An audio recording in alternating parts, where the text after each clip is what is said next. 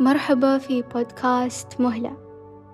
اليوم راح نتكلم عن موضوع جدا مهم والبعض غير مفهومة للمفهوم الخاطئ واللي هو أن بعض الناس يظنون أن المكابرة قوة ولكن من وجهة نظري الشخصية اللي يكابر نوعا ما ضعيف.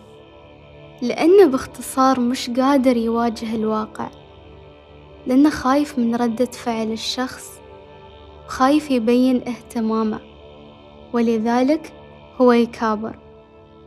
أما الشخص اللي يبادر فهو قوي وشجاع وداخله نظيف ونقي لأن كل همه ليش نخسر بعض وهي مجرد دنيا. المبادرة صفة تصف فيها الرسول صلى الله عليه وسلم. كان يبادر بالإحسان دائما. كان يدفع بالتي هي أحسن. وصحيح أنا معاكم. نحن لسنا أنبياء لكن نجاهد لكي نتصف بالقليل من صفات الأنبياء. كان الرسول صلى الله عليه وسلم يبادر ويفعل الخير مهما ضر حتى الجارته اللي كانت ترمي عليه القذارة والأوساخ لما مرضت بادر وسأل عنها. إذا السؤال مهم. نحن يحق لنا معرفة السبب والأشياء الخفية في أي علاقة. حتى قريش لما أكفرت وكذبت ولم يسلم الرسول لا من أقوالهم ولا من أفعالهم لكن ماذا؟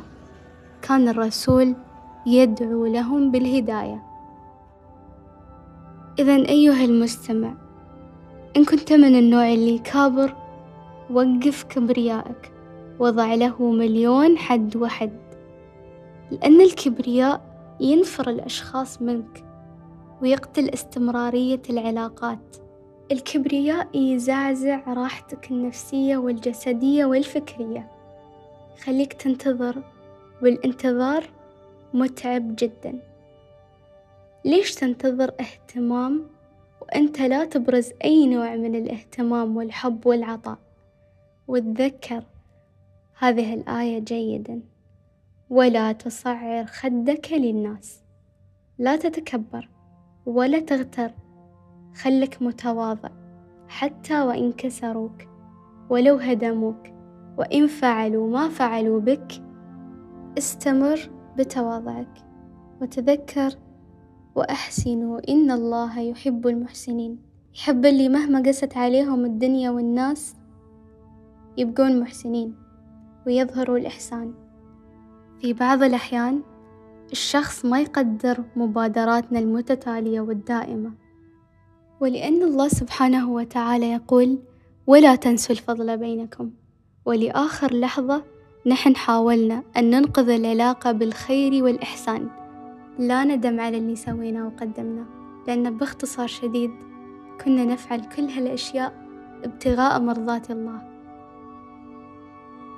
فإذا أردت أن لا تندم على شيء فافعل كل شيء لوجه الله.